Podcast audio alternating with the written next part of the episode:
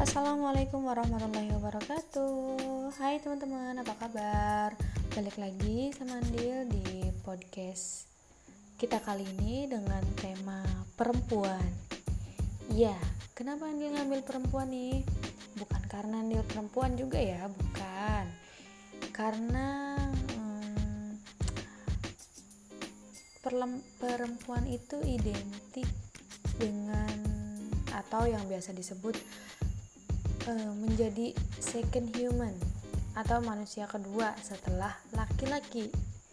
Nah, oleh karena itu banyak sekali hal-hal atau perdebatan-perdebatan tentang perempuan kayak misalkan uh, dalam organisasi, dalam struktur pemerintahan itu perempuan tidak bisa dengan leluasa mengekspresikan dirinya. Nah, itu uh, hal yang sangat kompleks menurut Nil ya. Nah, oke okay, teman-teman, dan uh, selanjutnya kita akan membahas uh, mengenai perempuan dalam pandangan Islam. Ya.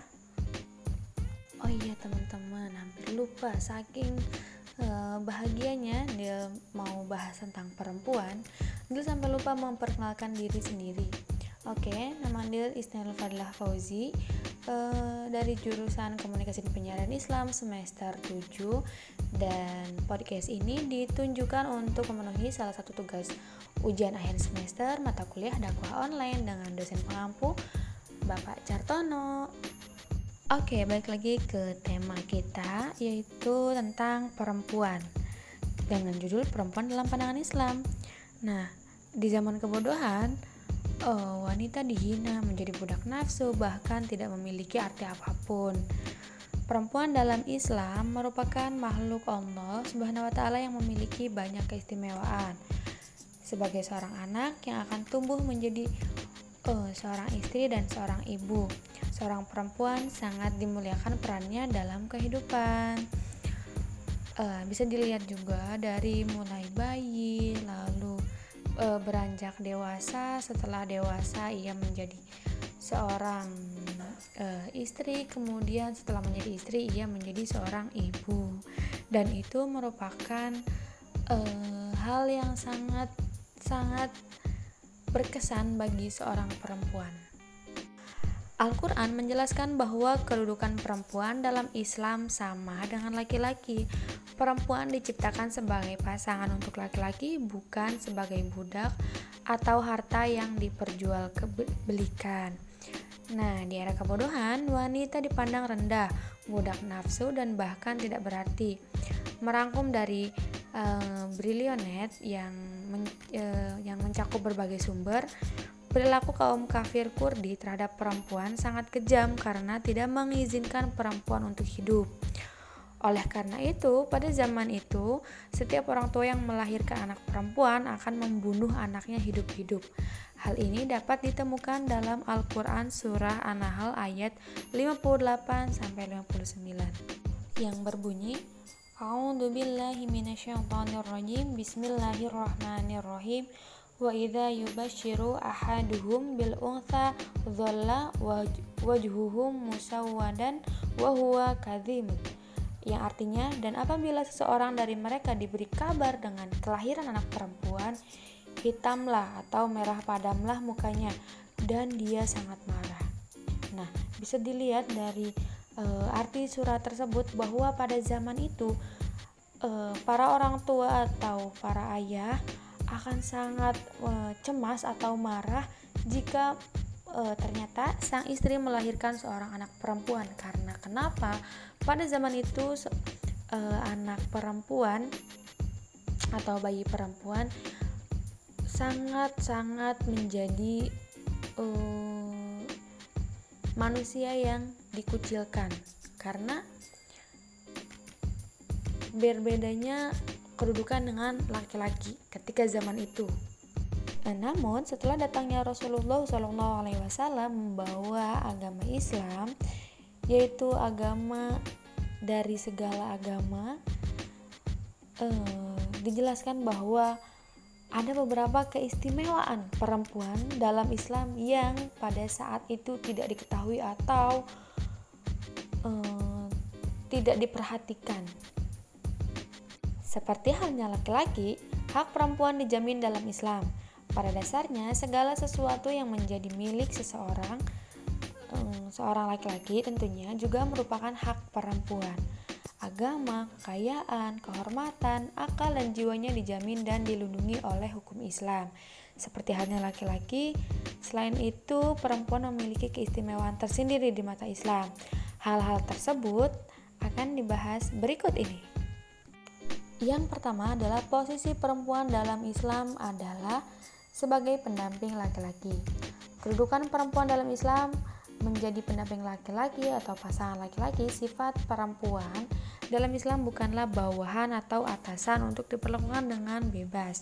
Karena menurut surat Al-Hujurat ayat 13 yang berbunyi, Ya ayuhan nasu inna khalaqnakum min dzakari wa untha wa ja'alnakum syu'uba wa qabaila lita'arafu. Inna akramakum indallahi atuqakum innallaha alimun khabir. Yang artinya hai manusia sesungguhnya kami menciptakan kamu dari seorang laki-laki dan seorang perempuan dan menjadikan kamu berbangsa-bangsa dan bersuku-suku supaya kamu saling kenal mengenal. Sesungguhnya orang yang paling mulia di antara kamu di sisi Allah Subhanahu wa taala ialah orang yang paling takwa di antara kamu Sesungguhnya Allah mengetahui lagi maha mengenal. Lalu yang kedua ada ketika menjadi ibu kedudukannya lebih tinggi dari ayah. Ketika seorang perempuan menjadi seorang ibu, gelar universitasnya akan lebih tinggi daripada ayah anaknya. Bahkan surga anak-anaknya berada di bawah telapak kaki ibu mereka. Eh, dalam hal tersebut dijelaskan tentang seorang seseorang yang bertanya kepada Rasulullah SAW uh, siapa yang harus dicintainya terlebih dahulu? Kemudian Rasulullah SAW menjawab ibumu. Pertanyaan tersebut diulang sebanyak tiga kali dengan jawaban yang sama.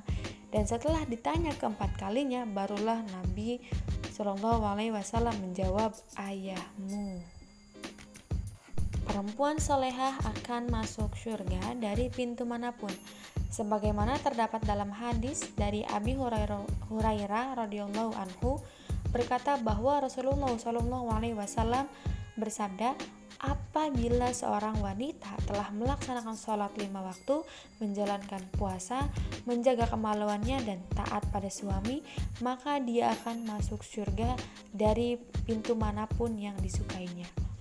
Wow, impresif. Itulah hebatnya perempuan, teman-teman. Nah, yang keempat, ada kehormatan perempuan dilindungi dalam ajaran agama Islam. Dalam Islam, wanita sangat dilindungi kehormatannya, seperti firman Allah Subhanahu wa taala dalam Al-Qur'an Al-Ahzab yang artinya, "Hai Nabi, katakanlah kepada istri-istrimu, anak-anak perempuanmu, dan istri-istri orang mukmin hendaklah mereka mengulurkan jilbabnya ke seluruh tubuh mereka. Yang demikian itu supaya mereka lebih mudah untuk dikenal. Karena itu mereka tidak diganggu dan Allah adalah Maha Pengampun lagi Maha Penyayang. Nah, yang terakhir yaitu yang kelima mendapat kepercayaan dari Allah untuk bisa mengandung dan melahirkan. Hal ini tentu saja dijelaskan dalam firman Allah Subhanahu wa taala uh, pada Al-Quran surat Al-Ahqaf ayat 15 yang berbunyi A'udzubillahi minasyaitonirrajim Bismillahirrahmanirrahim Wa wasainal insana biwalidayhi ihsana Hamalathu ummuhu karo kurha wa wasdu'athu kurha kurha.